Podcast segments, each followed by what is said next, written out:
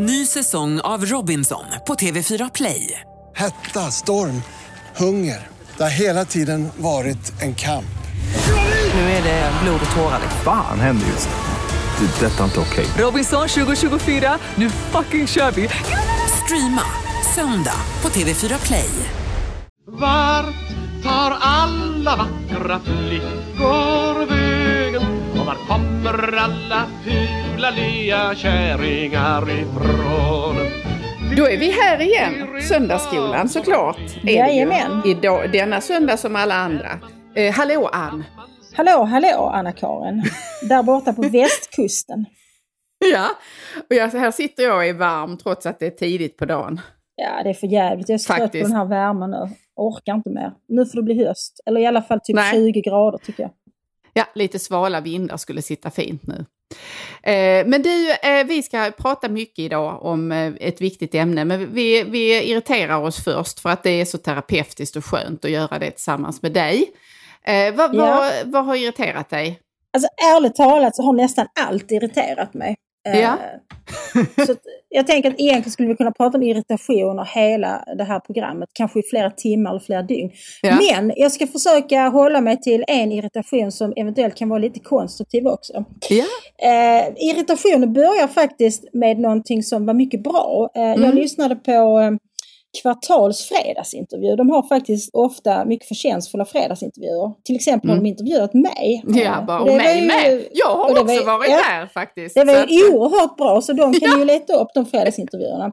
ja. Men den här fredagsintervjun, det är med en, eh, han är statsvetare, professor tror jag.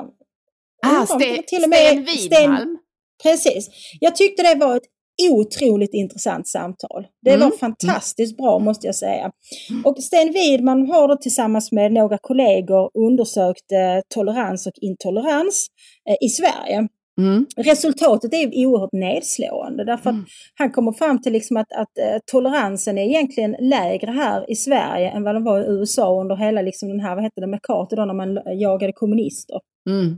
Mm. Just det. Under, under. McCarthyism, ja precis. När de höll på, McCarthyism. de höll på att ange varandra och hela kulturlivet stryptes på grund av att folk var så rädda för vad, de andra, vad, vad, man hade för sympatier och vad man hade visat fallenhet för politiskt och så vidare. En fruktansvärd Precis. tid. Ja. Precis. Så innan jag lämnar Sten Widman så kan jag bara säga liksom att jag uppmanar faktiskt alla att lyssna på den. Jag tyckte den var mycket tankeväckande och också skrämmande. Hur många människor som är beredda att inskränka yttrandefriheten för människor vars åsikter eller grupptillhörighet man inte gillar. Det, det tyckte jag var skakande. Ja. Men min irritation handlar ju om precis det du talar om. Alltså, under den här eh, McCarthyism så var man så rädd för att själv åka dit så att man censurerade sig. Mm. Och detta visar då Widmans och hans kollegors, hans kollegors forskning att självcensuren är oerhört stor i Sverige idag. Mm. Och den drabbar ju alla. Jag censurerar ju mig själv hela tiden. Mm. Eh, och, och det är ju det är ett fattigdomsbevis att vi gör det. Därför det kan väl mycket väl vara så att, att någonting jag går och funderar över som skulle kunna bli en text kanske skulle kunna bli en mycket bra och intressant text. Men jag vet redan innan jag skriver den att det där kommer folk att bli arga över och därför gör jag inte det. Utan det håller man sig till andra saker. Nu har jag skrivit några texter sista tiden. Jag har ju lämnat liksom, jag skriver ju inga politiska opinionsbildande texter längre. Det, det kommer jag aldrig mer att göra för jag vill aldrig mer vara i den situationen. Eh, och det är väl tråkigt på sätt och vis för jag kan ändå tänka att jag kanske har haft något att bidra med. Och du kan mycket om politik och du kan mycket om det som, som skapar politiken. Så att vi är många som hade velat läsa sådana texter av dig. Ja, men det är nog liksom självcensuren som står till därför att Mm. det blir helt enkelt för jobbigt. Men nu har jag då skrivit liksom dels den här texten om modest fashion som jag redan har malt de här. Eh, och sen så är en text som, som var liksom en ganska raljant skriven, liksom typ med glimten i ögat text, en replik på en annan text av någon eh, person som heter Nick Nami Romero. Eller Romero Nick Nami, jävligt fräckt namn för övrigt, det skulle jag vilja ha också.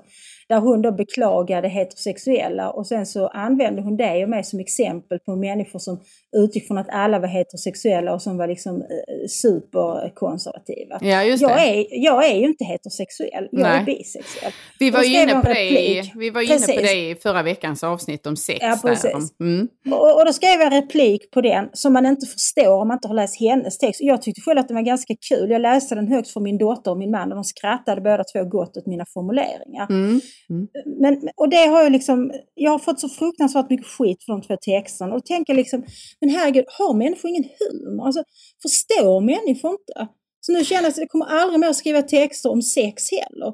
Så då lägger jag bara till det på listan över ämnen som jag aldrig mer kommer skriva om. Och det gör mig Ja. samtidigt irriterad. Alltså varför ska det vara så jävla tråkigt, lågt i tak, humorlöst, ointelligent? Ja, men om jag får kontra då med, med eller göra ett inspel på din irritation Ja, som jag fullt ut förstår. Men jag, jag skrev ju själv en text som handlade om vad detta kan komma sig ur. Att vi beter oss på det här sättet. Alltså Mm. på för därför att spelplatsen för det som du beskriver är ju sociala medier i hög Ja. grad.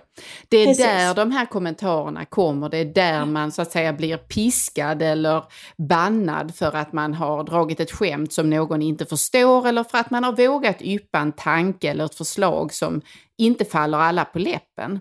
Och där kortsluts då det här demokratiska, öppna, prövande samtalet som vi på alla sätt bör kunna föra i Sverige. Detta är, vi lever ju tack och lov i ett land där det är tillåtet att ha också Ja, testa djärva tankar eller ha till och med extrema uppfattningar i vissa fall. Nu har inte du haft det i något av de här fallen, men du förstår vad jag menar.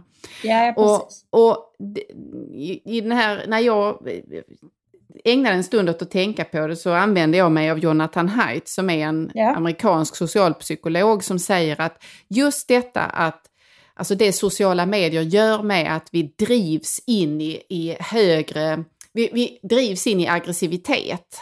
Och i att, alltså man premieras om man är aggressiv på sociala medier. Det, det, då går algoritmerna in så att säga och piskar upp stämningen ännu mer. Och detta att man då ska trycka gilla eller att man kommenterar och att man delar är en faktor i att vi på, liksom successivt har kommit att sluta samtalet snarare än att vi har öppnat upp det. Trots att vi då kan kommunicera med varandra. Precis, precis. Mycket bättre än vad vi någonsin har kunnat tidigare när alla de här teknikgrejerna inte fanns.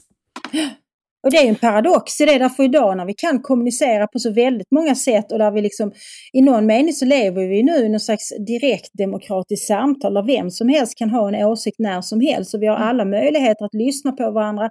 Vi har alla möjligheter i världen att ta del av andras erfarenheter och andra livsvillkor. Men det har lett till att människor sluter sig mer och mer och att istället för att intressera oss för människor som inte är som oss själva och aktivt söka oss till de grupperna så söker vi oss till grupper av människor som delar våra åsikter och våra världsbilder och våra tolkningar. Och Det är Ja. fan i mig bedrövligt. Ja, det är det. Och jag tycker att nu när vi befinner oss i eh, i valrörelsen nästan så ser man ju också där vad sociala medier, Mm. eh, vad det driver och hur eh, illa det inverkar på ett sådant politiskt samtal som vi hade behövt ha. Där vill jag föra upp en annan text som jag tyckte var väldigt bra på det här ämnet och det var Adam Schweimans Ja, skrev en jag, ja. GP-text om hur glappet emellan vad, han använde Socialdemokraterna som exempel, vad de talar om som sitt valprogram och valambitioner med sin politik och sen så kontrasterade han detta då till hur flera av de främsta representanterna för eh, regeringen, alltså Annika Strandhäll och Morgan Johansson som har två tunga ministerposter, beter sig i sociala medier och där de är han, han drog det faktiskt så långt som att han sa att de beter sig närmast på ett trumpskt vis och jag håller med honom. Och det förstör ju, det, det skapar ju liksom ringar på vattnet till att eh, visa vad som är tillåtet och vad man får göra och vilka beskyllningar man kan nedsänka sig till att kasta på andra människor. Och jag, jag mår lika illa som du av det faktiskt. Jag blir inte bara irriterad, jag blir deprimerad eh, av att läsa det och se det ske. Men det är liksom också så ovärdigt ministrar att bete sig på det sättet tycker Mm. jag. Alltså, jag menar, vi kan väl ändå ställa lite högre krav på folkvalda. Det bör vi Men jag kunna blir göra. också... Jag såg senast idag en, en bekant på sociala medier, eller på Facebook, som då var mycket nöjd för att han tyckte att han hade, han hade tryckt till eh, en miljöpartist på Twitter. Och då lä- lägger han skärmdumpar då från sin, sitt eh, meningsutbyte med den här personen på Twitter och skriver Mhm. liksom att jag slaktade visst Tobat. Och så får han då en massa liksom tummar upp för det. Och jag känner bara så, alltså jag vet inte, det här är vuxna människor. Ja. Mm. Är det något att skryta om att man har varit i någon konstig Twitter-duell och, och liksom kommit med den ena liksom oförskämda kommentaren efter den andra? Nej. Jag vet inte, jag bara känner, var lite vuxna. Ja, så det kan väl vara en allmän uppmaning till oss. Eh, jag säger den lika mycket till mig själv för att jag faller säkert ut någon gång jag också. Ja, det gör vi Eh, väl alla. Ingen som till våra eh, begåvade lyssnare att tänk på detta när ni rör er på sociala medier. Använd det till, till ett gott tanke och åsiktsutbyte och hemfall inte till att kasta dynga bara. Eller Nej. avsiktligen missförstå, för det kan jag tycka är en sjuka som råder, att man avsiktligen missförstår snarare än att Precis, försöka förstå. Mm. Men det är ju därför som man avhåller sig från att, skriva vissa texter, för man vet att okej, det här kan missförstås och det kommer människor att göra. Och då tänker man så Mm. att nej, jag struntar i att skriva det. Så Mm. det, det liksom krymper eh, demokratin och, och samtalet och det gör att människor, menar vi, behöver inte liksom lagstifta om att förbjuda vissa åsikter och tankar. Vi behöver inte kasta folk i fängelse utan det räcker egentligen med den självcensur som vi, som vi, eh, de flesta av oss utövar. Mm. Och det är trist, tycker jag. Ja, det det. Nu ska du få irritera dig. Vad har du irriterat dig på? Eh, jo, eh, den, den rör faktiskt också det digitala fast från en helt annan vinkel. Nu är det ju så här Mm. att det är skolstartstider och eh, Japp. alla som har arbetar i skolan eller har barn i skolan måste konfronteras med de olika plattformar som kommuner har upphandlat till sina skolförvaltningar. Mm. Att eh, på dessa plattformar då lägga all information och så vidare och bedömningsmatriser och eh, fan och hans moster höll jag på att Just säga. Eh, här i Göteborg har man nu eh, efter årtionden nästan av missnöje med den befintliga lärplattformen, för alla, i princip alla har hatat den. Den heter Järntorget med lite göteborgsk sån här blinkning, Mhm. du vet, Järntorget. ja. Ja, det var ju roligt med Eh, HJ då. HJ-stavning. förmodligen. Ja, precis. Ja. Eh, Mm. Men eh, det, det har varit en sån där grej Järntorget att om man har varit oenig om någonting på ett föräldramöte eller varit dålig stämning så har man alltid kunnat föra upp Järntorget för då har alla genast enats om att den är usel. Och den är, bara, den är fel och den borde bytas ut. Från Ja. rektor ner till föräldrar och fritidspersonal har varit eniga. Eh, nu skulle detta bytas ut då till något som heter V-klass. Så hör och häpna och döm om min eh, obefintliga förvåning om det inte är så att det här inte funkar då i samband med skolstarten. Så att Hade man inte det- fått igång det? Nej! Så att vi vet inte när, var ska barnen vara, vilken tid och var ska de gå? Så då får de stackars lärarna som redan är tyngda av mycket arbete och administration sitta och svara på många, många mejl om eh, vilken tid var det nu och var ska de gå? Och eh, när slutar de?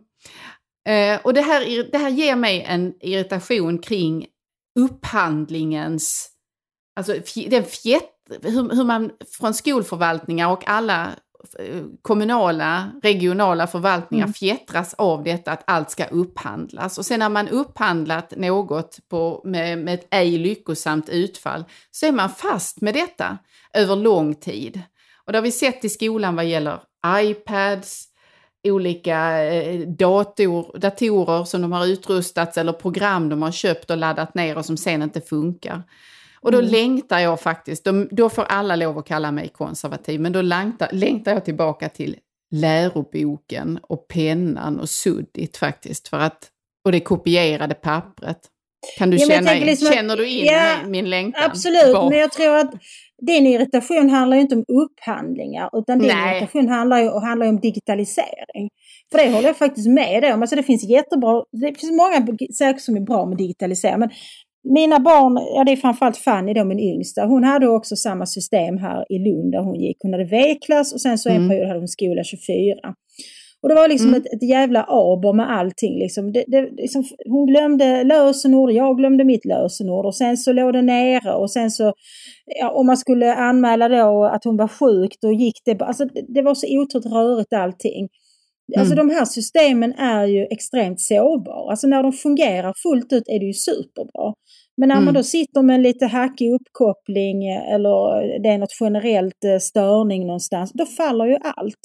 Mm. Och vad händer? Jag menar allvarligt talat så här. Jag sitter här och jag har hört, hela veckan har man pratat om att elpriserna är rekordhöga. Ja. Det har varit något jävla tågkaos i Skåne så jag höll knappt på att komma hem från Malmö häromdagen. Liksom jag stod och svettades tillsammans med, kändes som hundratusen andra supersvettiga människor i liksom 34 grader värme. Det var fruktansvärt. Inflationen liksom bara rasar uppåt. Det är någon slags jävla bostadskraft på gång. Eh, samtidigt som det saknas bostäder, vårdköerna växer och så vidare. Så vad är nästa grej som inte kommer att funka? Mm. Ja, men vad händer liksom om nätkapaciteten går åt pipan? Då Ja. sitter vi där med alla våra system och kan inte kolla hur dags barnen ska vara i skolan eller vem som ska fodra eh, i stallet på lördag morgon eller boka tid på vårdcentralen. För vi har bundit upp allt, både privat och yrkesliv och utbildning kring de här systemen. Ja, nej Så precis. jag, jag längtar också efter, jag längtar efter att barnen kom hem med en lapp i väskan där det stod Ja. grejer. Så kunde man sätta upp den på kylskåpet.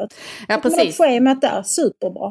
Ja, för det, fin det finns faktiskt en, en, en jämlikhetsaspekt i detta också, i synnerhet i ett samhälle som det svenska där vi nu har en väsentlig del av eh, skoleleverna och deras föräldrar som har högst begränsade kunskaper i svenska språket. Att, Ja. att behärska detta system, att kunna gå in i det och navigera rätt och hitta just den information som gäller imorgon och mitt barn och vad de ska ha med sig eller vad de har i läxa eller vad som gäller för det betyg de får är inte en enkel sak att göra om man inte är, är fullfjädrad på språket. Sen finns det säkert de som också har möjlighet att då delge den här informationen på andra språk. Men man ska inte underskatta den här enkla kommunikationen i det fallet faktiskt och att den faktiskt kommer fram på ett annat vis än att den är gömd bakom x antal etiketter och eh, eh, flikar i ett system som är rätt svårgenomträngligt. Ja. Så eh, eh, ett hurra tycker jag för pennan och suddigt i detta och den kopierade lappen.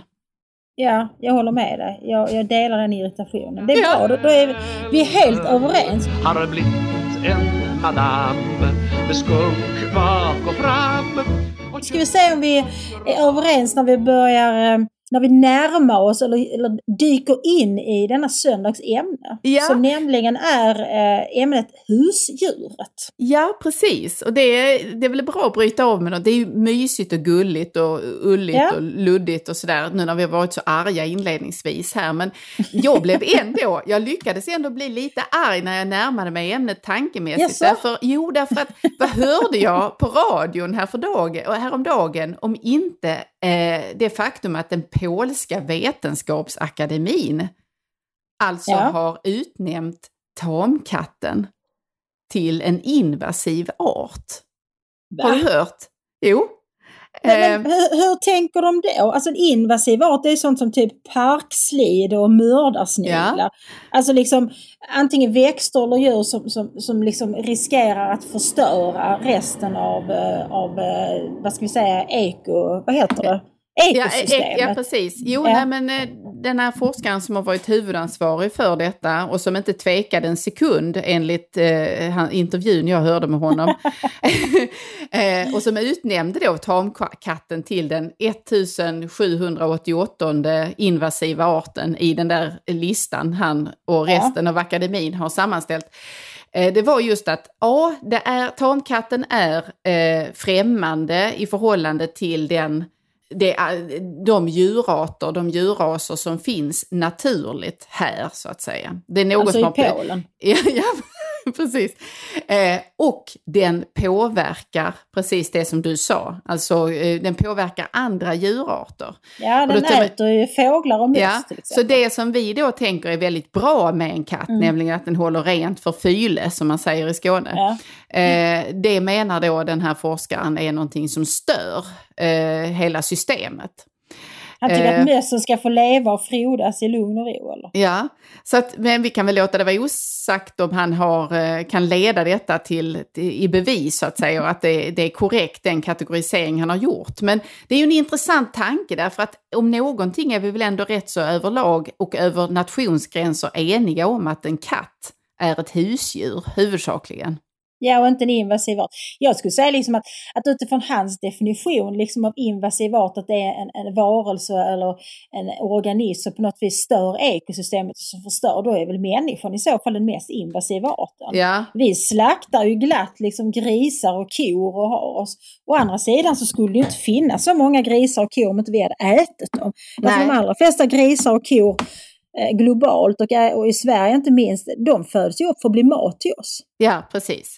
Jo, det är ju liksom en paradox i det där med när man eh, eh, avstår att äta kött med hänsyn till att rädda de kor och grisar och höns och Vars så vidare. enda Så- syfte egentligen är att bli uppätna. Ja, det är liksom deras raison d'être, deras Ja. telos som Aristoteles skulle sagt. ja. Men det är intressant här, jag tycker det är intressant att du blir upprörd över det här för jag vet ju att du gillar katter. Du har ju faktiskt en katt Mhm, som jag har mm. haft eh, glädje Jag kan inte påstå att din katt var superförtjust i mig. Men katter är ju sällan så sociala med främlingar så att säga. Nej, det är ju de som Men det var, väljer. det var en fin katt, ja Mm. precis. Och jag blev helt, alltså, min hund hon är ju mer liksom en klassisk slyna så att säga. Att hon, hon gillar ju alla. Hon, är, hon är otroligt vänligt inställd till alla. Så att alla gillar ju henne för att de känner sig utvalda. De vet ju inte att hon är lika, liksom, hon är Mm. lika vänskaplig med Mm. alla. Men, men eh, det är liksom någonting i detta som ju lite kärnan i det vi ska diskutera här idag. Alltså vår relation till djur och framförallt till husdjur. Mm. Att den är ju väldigt emotionell och laddad. För att du blir irriterad över att katter som ju vi ju faktiskt betraktar som husdjur och nästan Mm. som familjemedlemmar. Mm. Att de då definieras av den här forskaren som en invasiv art, vilket ju i förlängningen innebär att man borde skjuta av dem. Mm. Eller hur? Mm. Jo, jo, precis. Det, jag blir ju personligen upprörd och Ja, eh, eh, förolämpad och min katts vägnar på något sätt. Va? Och Mm. det, det, det är exakt det som du säger som kännetecknar husdjuret. Må det vara en liten, eh, eh, en liten mus eller en hamster som man håller i bur då, eller en hund eller en katt eller vad man nu kan. Någonting som är så nära en så att det påverkar eh, hur man strukturerar dagen lite. För det Mm. tänker jag att det är en, ett kännetecknande för någonting som ändå räknas som ett husdjur. Att du, du måste på något sätt väga in omsorgen om det här djuret, omhändertagandet av det här djuret i vad du gör eller Mm. inte. Och sen kan det ju vara så, för då, då snubblar ju min kategorisering där genast på att, fast det kan ju vara att du måste göra det med djur som du har, precis som du sa tidigare, för att du tänker tjäna någonting på dem eller för att du har dem i drift så att säga. Mm. Eh, du måste ju strukturera din dag om du har grisar för du ska utfodra dem och så vidare, eller kor och så Mm. vidare. Ja, då är de ju ett jobb. Ja. Men liksom precis med skillnaden på ett sånt bruksdjur och ett husdjur, att husdjuret har vi egentligen bara för nöjes skull. Alltså, vi väljer ju att ha husdjur för att de, de eh, ger oss glädje. Om man ja. är grisbonde så är det klart att grisarna är viktiga för ens försörjning. Men Mm. man kanske inte går ut i grisastallet för att man längtar efter att För att få lite närhet, grisarna. då har man andra problem. Då har man ju faktiskt andra problem. ja. Men jag, jag, ja, det, det du, du, nämnde faktiskt hamster i bur. Då får mig ju att tänka på den här hamstermassakern i Hongkong. ja. Jag tror det var i januari eller februari som jag läste om det. Det var väl precis i slutet av pandemin. Herregud vad pandemin känns avlägsen nu. ja. Men i alla fall, alltså, i Hongkong så levde de ju med otroligt stränga restriktioner under pandemin. Liksom, de var i princip instängda i sina ganska små lägenheter. Men sen så, så var det så att i december förra året, alltså december 21 blir det då, så eh, upptäcktes det att eh, det hade då kommit, det hade importerats hamstrar till Hongkong som faktiskt ha- hade viruset, alltså som hade corona och att det kunde smitta då från hamster till människa. Och därför så gick myndigheterna i Hongkong ut med nya direktiv och direktiven var då att eh, alla hamstrar i Hongkong skulle avlivas. Mm. Så att man skulle då bege sig till jordbruksdepartementet, lämna in sin hamster så skulle den avlivas. Och detta ledde till ett fullskaligt uppror kan man väl säga. Det var massvis, tiotusentals människor som skrev under ett upprop mot hamstermassakern eh, och folk liksom protesterade på olika sätt. Och jag tyckte det var så intressant därför att vi var ju ganska förskonade ändå under pandemin. Alltså vi levde ju inte riktigt, men nä, nästan som vanligt. Ja. Mm. Men i många länder i världen så levde man ju under fruktansvärda restriktioner. Och Hongkong är ett exempel på det där det var väldigt, väldigt stränga restriktioner. Mm. Och där liksom, folk fogade sig. Mm. Men när, när jordbruksdepartementet då krävde att deras hamster skulle avlivas, då, det var fan droppen som fick bägaren att rinna över. ja, just Och det det. handlar väl om den här liksom känslomässiga, starka känslomässiga kopplingar som, man, som människor kan ha till djur. Till och med en liten hamster. Alltså jag är lättare att förstå att man har det till en hund eller en katt eller en häst. Mm. Men här var det en hamster. Mm. Ja. Jo, nej men och det är, jag, jag tänker att det är just det där ingreppet som beslutet gjorde, att det, man kunde stå ut med väldigt mycket av avskärning, alltså att man eh, skar av saker som man annars var van vid att göra och så vidare. Men här, här gick myndigheterna in i hemmet och sa att den här familjemedlemmen, må den vara så liten så den ryms i handen, den ska inte längre få finnas där. Och då får man någonstans nog. För då är det som att, att kapa handen på en eller ett finger eller något liknande. Det blir liksom Ja. en... Eh, jag, kan för, jag, jag förstår det och jag, jag tror nog att jag skulle kunna, jag är ju ingen demonstrationstyp, men här skulle jag nog kunna tänka, det här skulle kunna få ut mig på gatorna faktiskt. Precis, rör inte min hamster.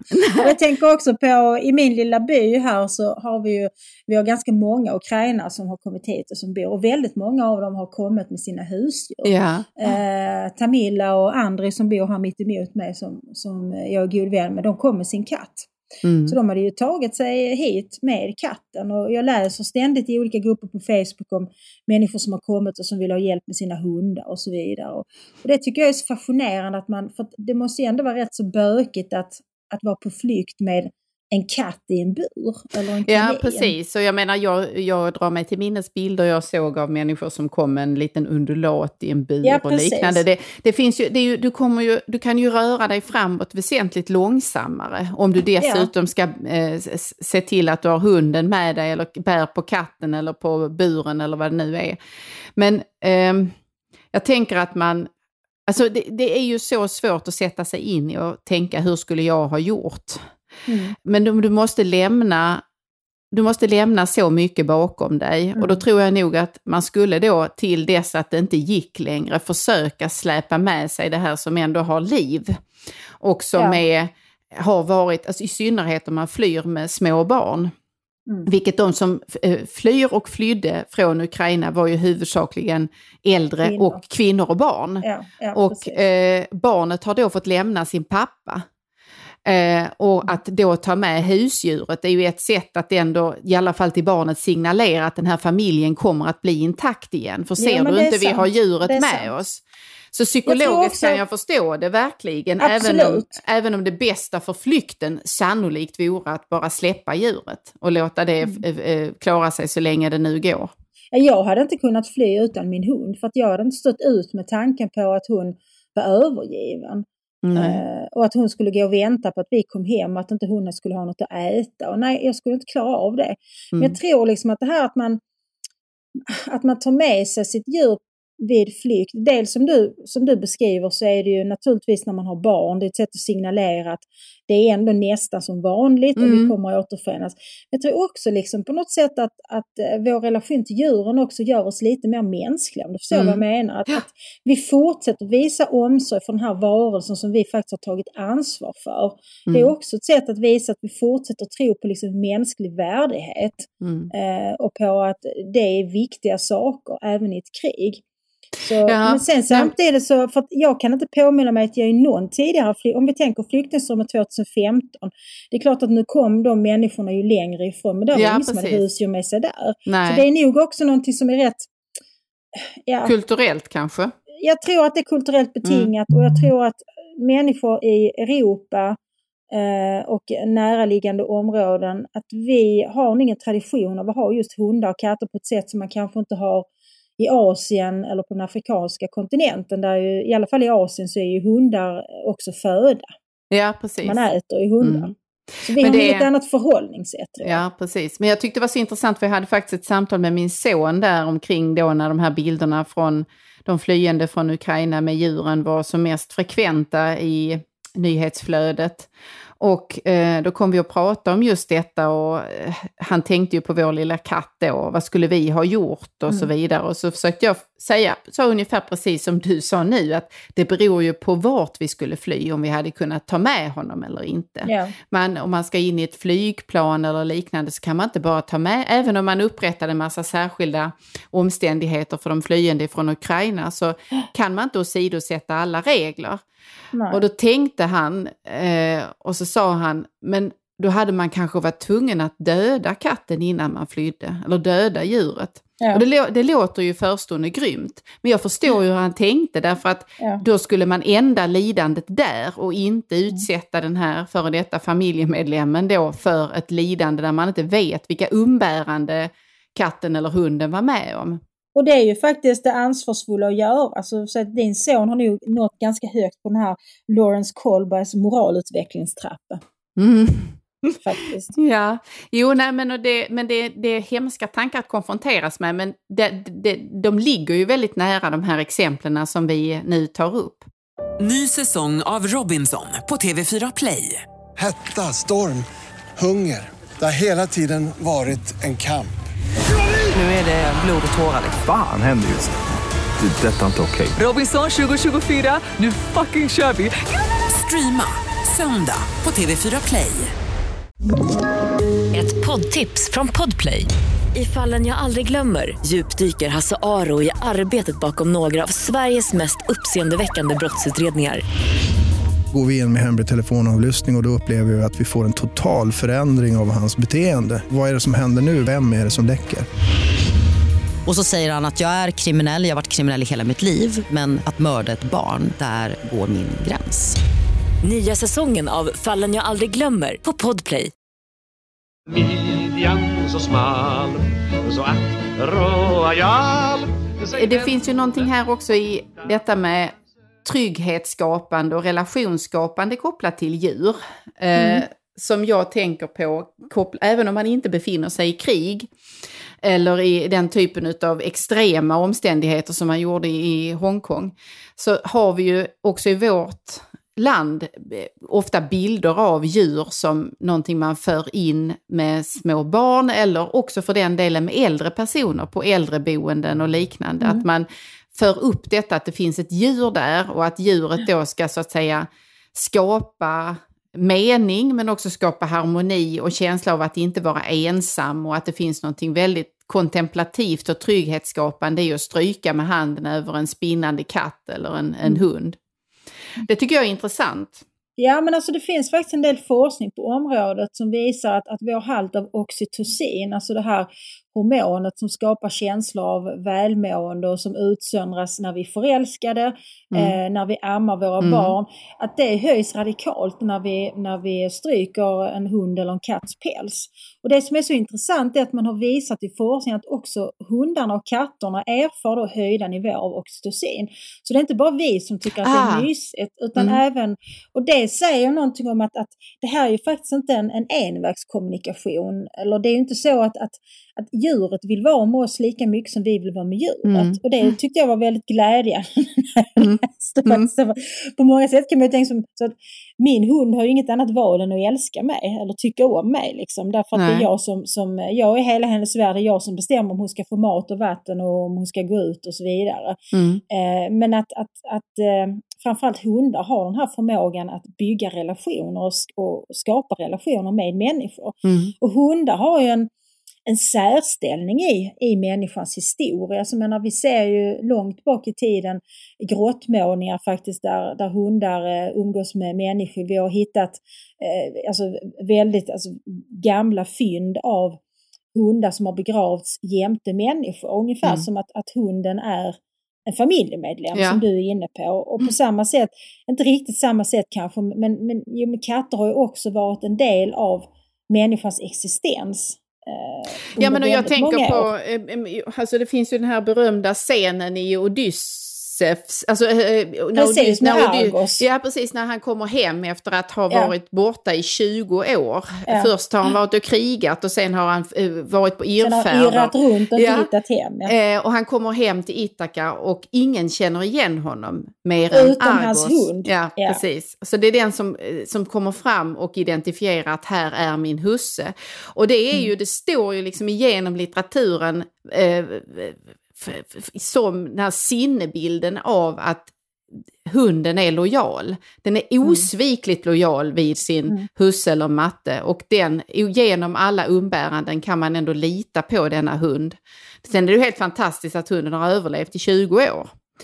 Ja, det är Eh, lite, men, men eh, om jag inte minns fel så dör väl hunden strax därefter. Så det är precis som att Argos har väntat ut att husse ska komma hem. För det beskrivs ju Ja, ändå hur, hur den här stackars Argos ligger på en skräphög och han har loppor och han är mager. Och när väl husse har kommit hem, då dör han med en suck. Ja, Då, precis, liksom för det är var hans uppgift. över.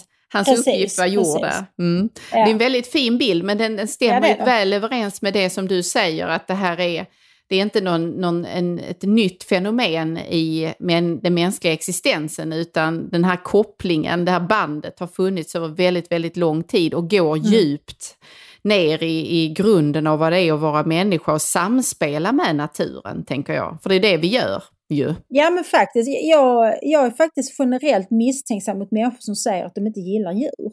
Mm.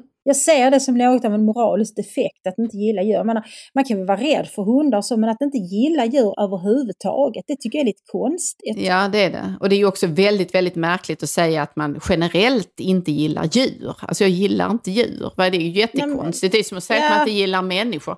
Det finns ju vissa typer av människor som jag har svårt att fördra. Så är det ju. Jag, jag, gillar, jag ska säga så här, jag gillar djur mer än jag gillar människor.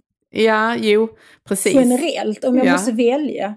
Men i detta, då kommer vi lite in på det här med att i, eh, i människans bruk av djur och husdjur Mm. så finns ju också, alltså det som jag tycker är det minst charmerande av allt jag kan komma att tänka på vad gäller att hålla husdjur, det är de här som har temporära husdjur som Ja. eh, knyter en katt till sig eller som till och med jag har hört berättelser om folk som skaffar en hund temporärt under sommaren också sen släpper av den på någon sån här parkeringsplats när de far från sitt sommarställe och så får den irra runt där. Eller att man låter katten driva när man lämnar landet och far in till stan. Jag tycker det är vedervärdigt, jag, jag avskyr det. Men jag förstår inte hur man kan göra det. Jag trodde faktiskt i min enfald att sommarkatten var ett, ett fenomen som var utrotat i Sverige. För att jag menar under 80-90-talet så var det mycket kampanjer då, liksom att man inte skulle ha sommarkatter och så vidare. Och nu under pandemin så har ju priset på katter stigit kraftigt. Så att man måste ju betala flera tusen för en katt nu. För Jo tack, det gjorde jag. Jag betalade 3000 för en bonnakatt. Ja, det är sjukt. Det är Innan har man sjukt. Liksom, en, man har lagt en symbolisk 50-lapp. på det. Ja. Men i alla fall nu när jag vandrar omkring här i byn, eh, för att här är ju, alltså, den byn jag bor i, alltså, jag skulle tro liksom att antalet invånare tredubblas här under sommaren. Mm. Så, och nu har folk, nu har sommargästerna åkt hem. Men nu drar ju runt en massa övergivna katter. Och den här anslagstavlan som vi har på Facebook då är ju full Mm. med sådana liksom, vems är den här katten? Det är en svartvit katt som kommer hem till mig, jag har gett ma-" alltså det, det förvånar mig verkligen Ja. att det här med sommarkatter fortfarande existerar. För min känsla är ändå att under ganska många år så gjorde man inte så. Men helt Nej. plötsligt så, så dräller det av övergivna katter och det gör mig också, ja jag tycker det är vedervärdigt. Ja, Det gör mig Det ganska mörk, jag, jag gör mig mörk i sinnet i förhållande Ja, till hur... faktiskt. För, för jag menar några veckor sedan så talade vi om, eh, jag tror det var mitt irritationsmoment, att jag ondgjorde mig över några ungdomar som hade trakasserat eh, getter i en sån här barnens zoo på, i en Ja, park just i det. Alingsås. Ja. Ja. Och så sa vi båda att vad blir det för människor av dem som är, eh, för, har liksom kapacitet att göra något sådant vidrigt när de ännu är i tonåren och så vidare. Att det i sig är då en signal om att någonting är fel. Men jag menar när föräldrar, för det är ju inte till, det är inte en vuxen människa som skaffar en sommarkatt till sig själv, utan det är ju föräldrar, några som har barn ihop, som då skaffar en katt antagligen för att Ja. barnen ska ha något nöje, extra nöje under tiden man är på sommarvistet då, eller vad man kallar det. Det, det, det, jag, jag kan inte liksom psykologiskt förstå hur man kan motivera detta och sen förklara så, se helt neutral ut och förklara för barnet att nej men nu bor katten någon annanstans. Jo men hur förklarar man det för katten? För att, alltså, Ja, hur man förklarar jag- man det för katten, det vill jag också veta. Ja, menar barnen, katten förklarar mig. Så, jag vet du lille katt, nu ska vi flytta hem så nu får du gå ut. Nej men hur förklarar man för barn? För att min erfarenhet är att många föräldrar har också väldigt svårt att hantera det faktum att djur dör ibland. Mm. Eh, Jag, jag hade en granne för jättemånga år sedan eh, vars dotter hade en kanin som var mycket fäsig och kaninen dog. Och då liksom Mm. åkte hon runt i alla djuraffärer i södra Skåne, södra Sverige för att hitta en kanin som var exakt likadan.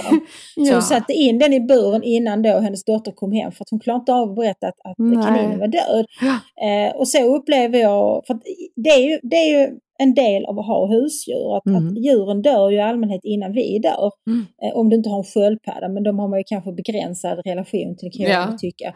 Och det är ju en sorg i detta. Eh, Mm. Så som jag har sörjt min hund Viktor eh, har jag faktiskt inte sörjt någon annan. Men jag, jag är förskonad på det sättet att jag har inte förlorat någon nära anhörig. Nej. Förutom min, min mormor såklart, men, men min mormor var också en bra bit över 90 eh, Mm. och så. Hon hade haft ett bra liv. Men det är ju en förfärlig sorg. Jo, men och, där, och, där, och där kommer ju också någonting annat in, nämligen detta med då hierarkin mellan ägaren och djuret. Ja. Nämligen att man är då i en eh, position av att fatta detta beslut. Och det är också Mm. lite av dealen. Jag måste ju ta det beslutet Ja, och göra det är en det. del av det ansvaret som Ja. din son har förstått. Ja, precis. Och det är exakt som du berättar där, jag kan liksom erinra mig med, eh, i detalj hur det var när jag och min syster fick eh, vara med och bestämma att nu var det slut på livet för vår hund då som hade Mm. eh, levt klart helt enkelt. Hennes kropp orkade inte längre, hon var mycket sjuk och vi hade haft henne i 13 år. Och vi bodde inte längre kvar hemma vid det här tillfället, liksom, utan då hade vårt liv ändrat sig. Men hon var ju den som hade varit med från det att jag Mm. var 12 eller 13 år och min syster fyra år yngre, eller tre år yngre då. Och in i vuxenlivet och sen så är man då i ett läge när man ska bestämma att nu är det slut. Nu, Mm. nu, nu ska vi ta bort det här djuret och så är man med när det sker. Och det är ju en oerhört danande upplevelse att vara med om det. Men det är ju, jag tänker så här att kärleken till djuret, den, den måste ju innefatta detta också. Att man är mäktig, att man är, förmögen att kunna göra det därför att Mm. det blir eh, en lindring för, för djuret i sig. Snarare än att bara vara kvar för, för då är man ju bara kvar för min skull. För att jag kan inte klara av att Jo, inte få klappa det, det, här så är det. djuret längre. Mm. Jo men så är det, att, att, och det tror jag, jag och min eh, exman som hade den här hunden tillsammans, vi hade väldigt svårt att fatta beslutet att, att vår hund Viktor Mm. skulle dö. Därför att vi ville ha kvar honom men till slut så såg vi väl båda två att han mådde så dåligt. Men det är svårt. Jag, för några år sedan så blev Eriks häst sjuk. Han fick cancer på lämmen. Eh, Mm. vilket inte är helt ovanligt hos äldre vallackar att de drabbas av det. Mm. Eh, och han var vid tillfället 23 år hästen, vilket är en ganska hög ålder för en häst. Så han var frisk och pigg förutom det. Hade faktiskt varit väldigt frisk hela sitt liv. Och då var ju liksom valet vi hade var att han, han skulle kunna genomgå en behandling som skulle varit plågsam för honom och som dessutom hade kostat oss en massa pengar. Eller så kunde vi slakta honom, alltså ta bort honom. Mm. Eh, och då fattade Erik beslutet att, eh, att han, det var dags för honom att dö. Men det är liksom, när vi körde upp, körde upp till Funkaröd som det heter, det är ett, ett eh, slakteri i norra Skåne där man eh, tar hand om vilt men också då avlivar hästar. Och, Mm. Eh, den här hästen hade aldrig fått det som man kallar butta vilket gjorde att hans eh, kropp kunde gå till eh, livsmedelsindustrin. Aha. Mm.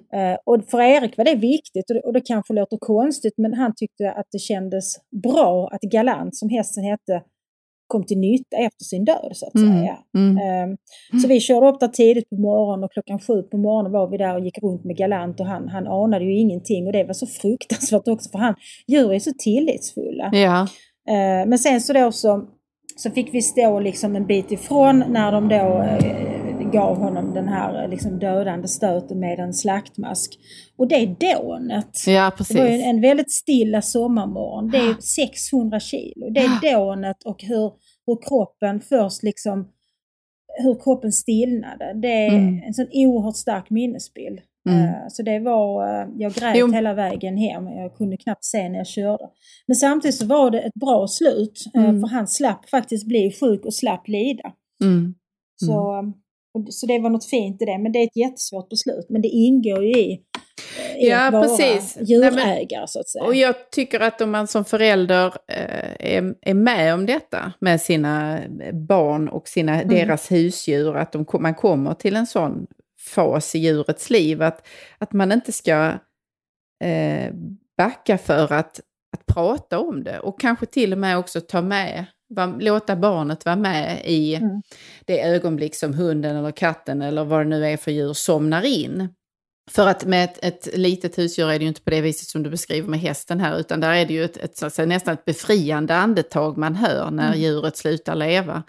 Mm. För jag tänker att där finns ju faktiskt också en, en om jag ändå dristar mig till att säga funktion som djuret fyller i att du lär dig olika, alltså vad livet innebär. Alltså att livet också innebär förluster. Mm. Eh, och du kan aldrig komma ifrån det. Du kommer att vara med om förluster. Och det här är ett sätt då att ändå göra det, vara med om det på ett skonsamt vis. Givet att barnet i övrigt har en, en så att säga, ram runt sig som är hyfsat välfungerande. För alltså jag tänker på en, en, en av de finaste filmatiseringarna, både roman och filmatiseringar av just det där hur hemskt det är att bli av med sitt djur. Men hur, vilken tröst det ändå kan innebära. Det är Reidar Jönssons Mitt liv som hu- hund. Ja, just det. Ja, som sen finns filmatiserad av Lasse Hallberg. För den handlar ju om den här lilla pojken Ingemar Johansson som förlorar det ena efter det andra. Han kan inte vara hos sin mamma längre för hon är sjuk och sen blir han separerad från sin bror och sen så försvinner också djuret. Men den här Ja. mentala närheten han har med djuret och att han tänker och pratar med djuret hela tiden och hoppas att de ska träffas igen.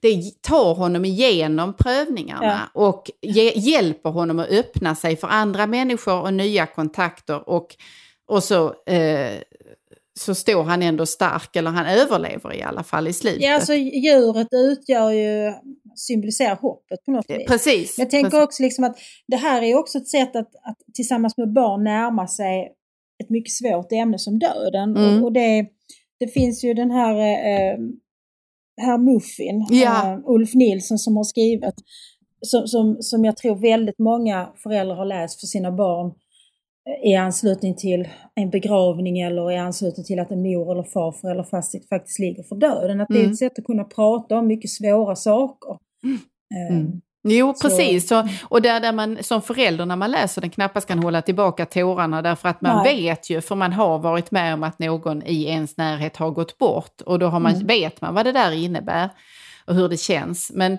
för barnet är det ju inte alltid så när man läser den första eller andra gången. Men, så att den, den är ju en, en mycket skonsam ingång till detta svåra ämne. Men, eh, och det Ulf Nilsson gör är ju att han använder sig av, han gör ju ofta det i sina böcker, att han använder djur för att skriva om väldigt svåra saker.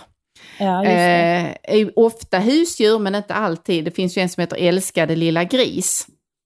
Ja, Jag vet inte det. om vi har varit inne på den någon gång tidigare på den, men den handlar ju om när barnet, den lilla söta grisen, förvandlas till en stor illaluktande och besvärlig gris, nämligen det är ju Det är transformationen lite, det är till tonåring. tonåring. Ja. Precis, det, grisen går igenom puberteten Ja. kan man väl säga. Eh, och då är det ju, då, det där handlar ju om att man använder djur till att berätta eller ge lärdomar till den som läser. Fabeln har ju haft den effekten, Precis. det bär ju den formen. Har blivit en madam med skunk bak och fram Jag hade en bekant som var jävligt enerverande. Hon hade då en, en katt som hon var väldigt fäst vid. Men när hon ville någonting så var det så. Ja, och Missy skulle tycka det var jätteroligt om du kom hem och drack lite te. Eller nu, nu, nu vill Missy att vi sätter på TVn. Nej, men nu skulle nog Missy eh, vilja att, alltså förstår du, liksom, det var helt sjukt. Den här jävla katten ville en massa saker hela tiden. Så jag tänkte, du skiter väl Missy vill väl inte dricka te? Så där använder du jag skulle faktiskt... sagt så här, Missy vill att du håller tyst. Missy vill att du håller käften nu. Men jag tycker det är så kul, det finns ju massvis med djur på Instagram. Ja, Det är ju en, en egen genre på Instagram. Men de här, jag följer några djur faktiskt. Jag Mm. följer bland annat en gårdshund. Jag har ju själv en dansk-svensk gårdshund och jag Mm. gillar den här danska gårdshunden Elias. mm. Så att jag följer Elias liv. Och sen finns det en massa katter och de här katterna de tänker ju ofta väldigt mycket och har en massa idéer. Mm. Är det inte Niklas Strömstedt som har en hund också som har ett Instagramkonto? Eh, jag, nej, men jag tror att det är hans hustru som har en katt som heter Ja, Kerstin eller någonting sånt där. Ja. Eh, och det är också, det, det ska bli en, eh, en bok om jag har förstått saken rätt eh, Ja. med, med eh, framgent här. Så det, och det är ett mycket stort Instagramkonto, jag följer det dock inte. Nej. Men, eh, men det, är ju, det är ju ett känt fenomen detta och att man delar bilder på, på gulliga katter djur, och sånt ja. där. Ja. Men jag tänker liksom just det här om vi återknyter till fabeln så tror jag att man ibland använder djur för att säga sånt som man inte själv kan säga. Ja, att man påstår då liksom. För det kan jag ju säga till min man ibland. Nu blir Alva ledsen för att inte du kommer och lägger dig för vi ligger här och väntar. Ärligt talat så är Alva ju jävligt nöjd när hon får vara ensam i sängen med mig för då ligger jag och klappar henne. När Erik Ja. kommer så tappar jag intresset för att klappa henne. Jo. Men, men, men och att man också liksom, ja man gömmer sig bakom djuret. Men sen så är det ju också roligt när man, låt säga att man låter två djur prata med varandra i någon Ja. teckning eller något. För att, och då ikläder, det blir liksom där antropocentriska, som de ikläder sig någon slags mänskliga roller. Och där ser man ju ofta det surrealistiska och bisarra med att vara människa. Ja, precis. Det är ju ett ganska effektivt grepp faktiskt. Ja, exakt. Och att vi har de här förståelserna av... Alltså vi har satt etiketter på djuren i form av om de är särskilt listiga som räven eller om Ja. de är sävliga eller korkade eller långsamma eller vad det nu kan vara.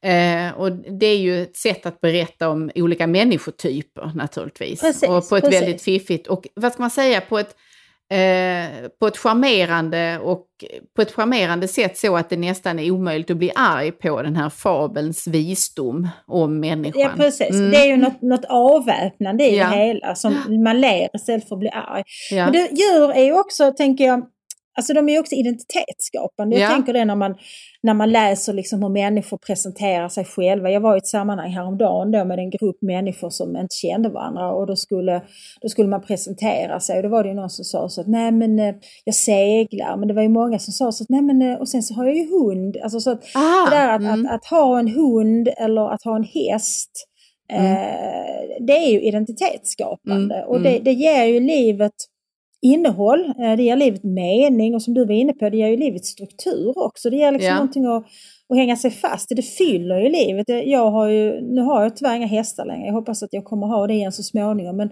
men under de åren som vi hade hästar, eh, då hade ju både Erik och jag och min dotter rider. Då tog det ju alltid. Alltså, Ja. det var ju många, många år där jag aldrig såg en tv-serie. För att jag var alltid i stallet på kvällarna.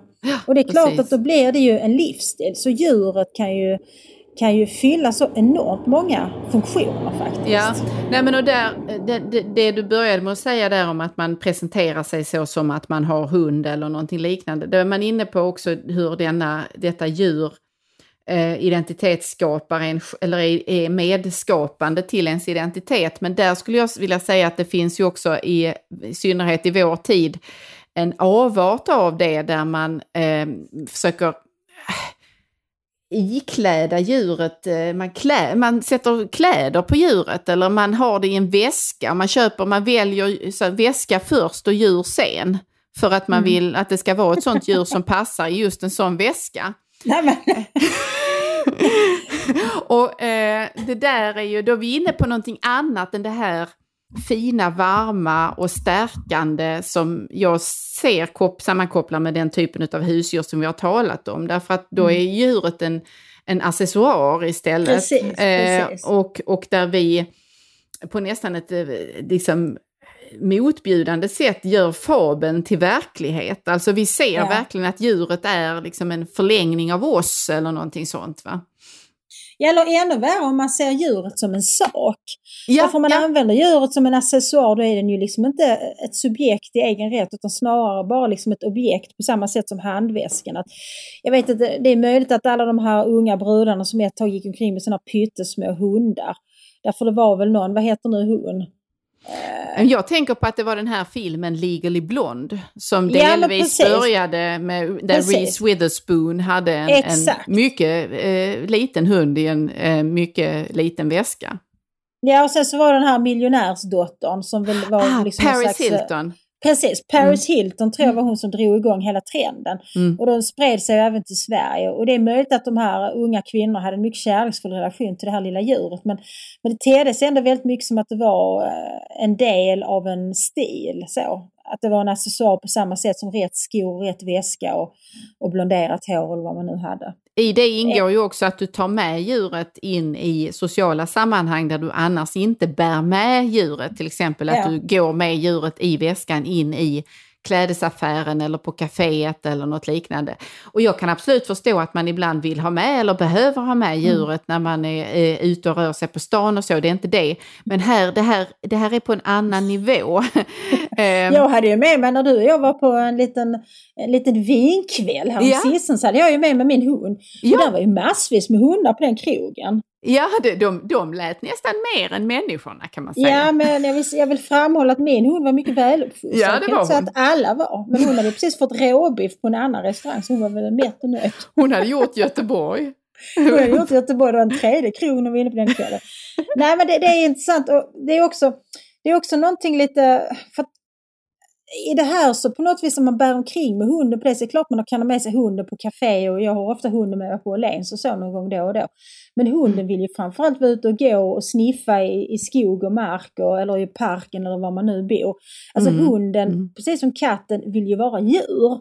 Jag läste Ja. en, en fruktansvärt sorglig text i Svenska Dagbladet, den är flera månader sedan nu, som handlar om att förskrivningen av antidepressiv medicin till hundar har ökat kraftigt.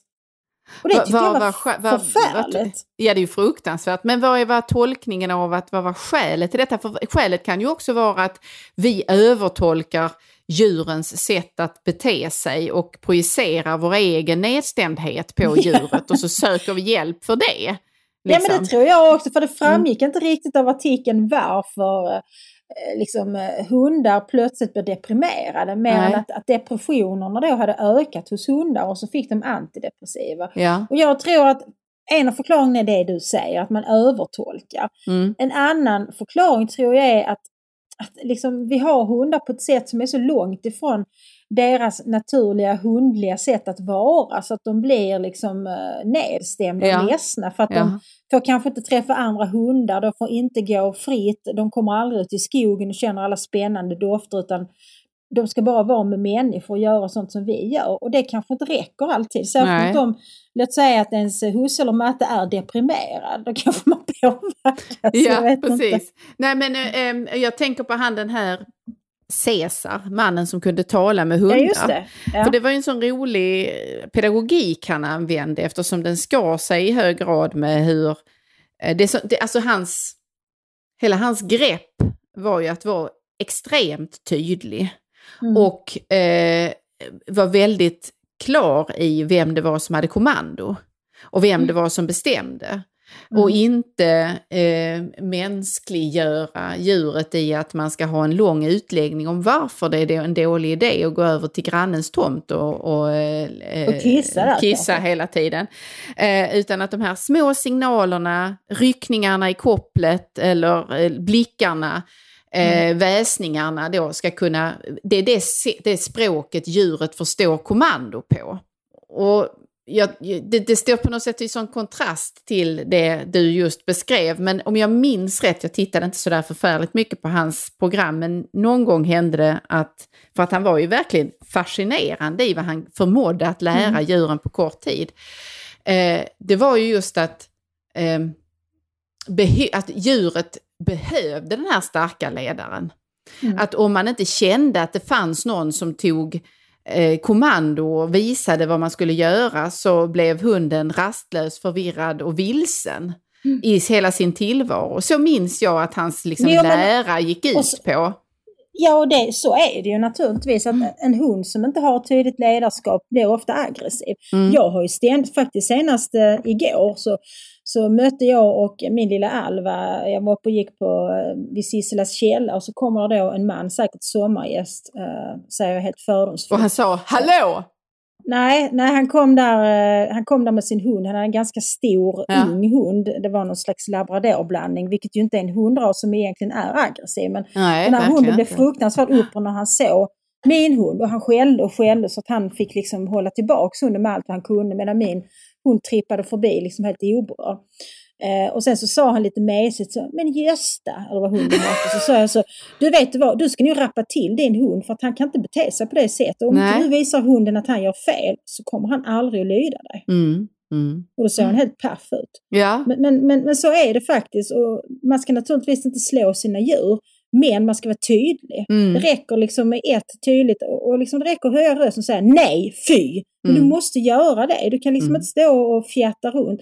Och det lär man sig inte minst när man håller på med hästar. Därför att om hästen, alltså hästar vet ju naturligtvis att de är starkare än vad vi är. Mm. Så vi, måste, vi kan ju inte få hästen att lyda oss med kroppsstyrka. Och vi kan Mm. inte heller få det genom att piska dem. Det är en felaktig förståelse därför det måste finnas tillit mellan häst och människa. Mm. Så hästen måste lita på att du vet bättre. Annars kommer inte hästen våga hoppa över det där vattenhindret eller gå förbi den där läskiga skördetröskan. Så hästen måste vara 100% säker på att okej, jag tycker skördetröskan ser sjukt obehaglig ut. Den kanske vill attackera mig. Ja. Men eh, hon som sitter på ryggen, min människa, vill uppenbart inte gå förbi. Mm. Och jag vet Mm. att inte hon vill mig illa, så då gör jag väl det. Ja, det är ju så samspelet måste fungera och där är tydlighet helt avgörande, skulle jag påstå. Mm. Och där tycker jag faktiskt att vi kan lära oss att transformera det in i våra relationer med människor också. Jag vill ha mer tydlighet där. Mm. Freud, eh, som ni alla vet vem det är, han, eh, de sista åren av sitt liv så föredrog han faktiskt att leva med, med hundar än, än med människor. Han var mycket förtjust i sina hundar. Och han skrev ett brev till en god vän att det han gillar med hundar det var att de var tydliga för att hundar morrar åt sina fiender eh, och liksom eh, viftar på svansen åt sina vänner.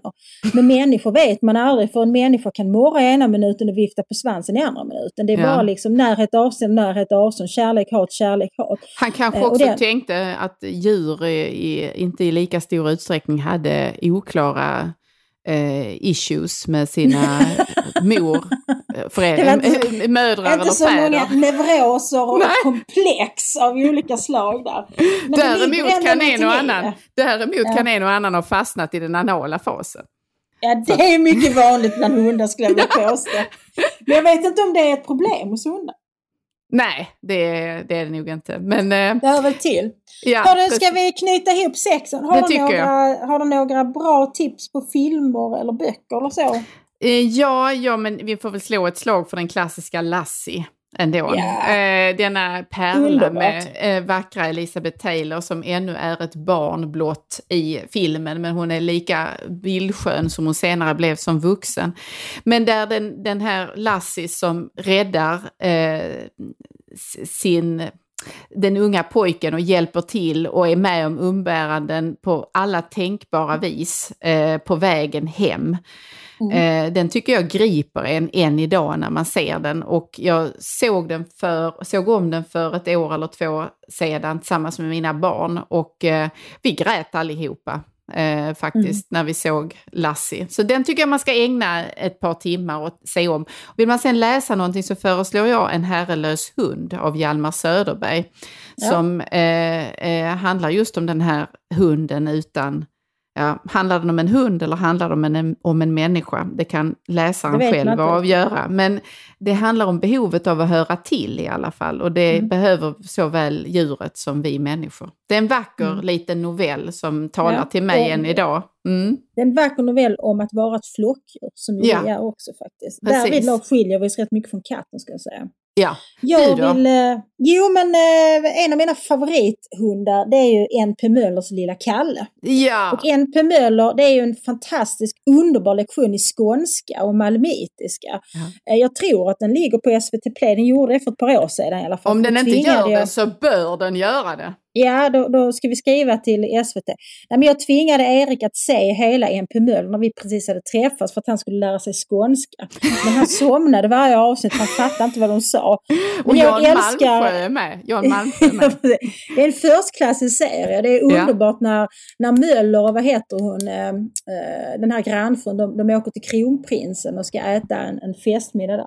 Men i alla fall, MP Möller då, som är fastighetsskötare vid Möllevången i Malmö, han har en trofast liten hund som heter Kalle som är en sån här eh, dansk-svensk gård som precis som min Alva. Ja, precis. Så honom gillar jag.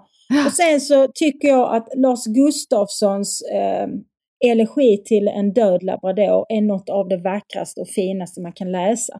Ni Mm. får ett litet smakprov här eh, i slutet. Mm.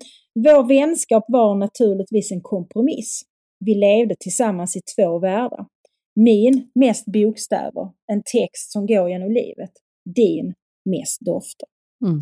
Och det är ju det som är det fina med att leva med en hund, att med hunden blir världen större. Ja. För när man är ute och promenerar med en hund så fattar man att världen är inte bara det vi ser, det finns så mycket annat som vi inte uppfattar. Mm. Precis som om man tar en promenad med ett litet barn för övrigt, det är lite samma sak. Ja, men barnet ser saker för första gången och då får jag Ja. också uppleva dem nästan för Ja. första gången. Jag tänker att vi, eh, vill du skicka någon liten hälsning till din katt, till din hund, så skickar jag en hälsning till min katt här, för vi utgår väl från att de lyssnar. Eh, Liksom, jag vill, jag vill gärna... Får man hälsa? Vill, om du Svinto, om du lyssnar på detta, lägg av med och riv mig i facet på natten. För jag tänker ändå inte gå upp. Det gjorde han nämligen den natten som gick och det, det uppskattade inte Matte. Nej, det förstår jag. Det är sånt som Mm. katter gör. Mm. Nej, jag vill bara säga till Alva att jag älskar dig. Du är världens finaste hund. Det finns ingen hund som är så, så snäll och så kärleksfull och så underbar som Alva. Det är Ja. faktiskt helt sant. Då stoppar vi Men där. du ska ge fan i att jaga min chefs katter, för hon skandaliserade sig nämligen jag var hemma hos min chef. Hon jagade bort båda hans katter, så jag tänkte så att kommer inte katterna hem så får vi sparken. Men de kom tillbaka. Ja. Det är bra. Vi säger så. Vi hörs om en vecka. Ja, hej då! Hej då! Vart tar alla vackra former vägen? Och var kommer alla hakorna på makorna ifrån? Ny säsong av Robinson på TV4 Play. Hetta, storm, hunger. Det har hela tiden varit en kamp. Nu är det blod och tårar. Fan händer just nu. Det. är Detta är inte okej. Robinson 2024, nu fucking kör vi! Streama söndag på TV4 Play.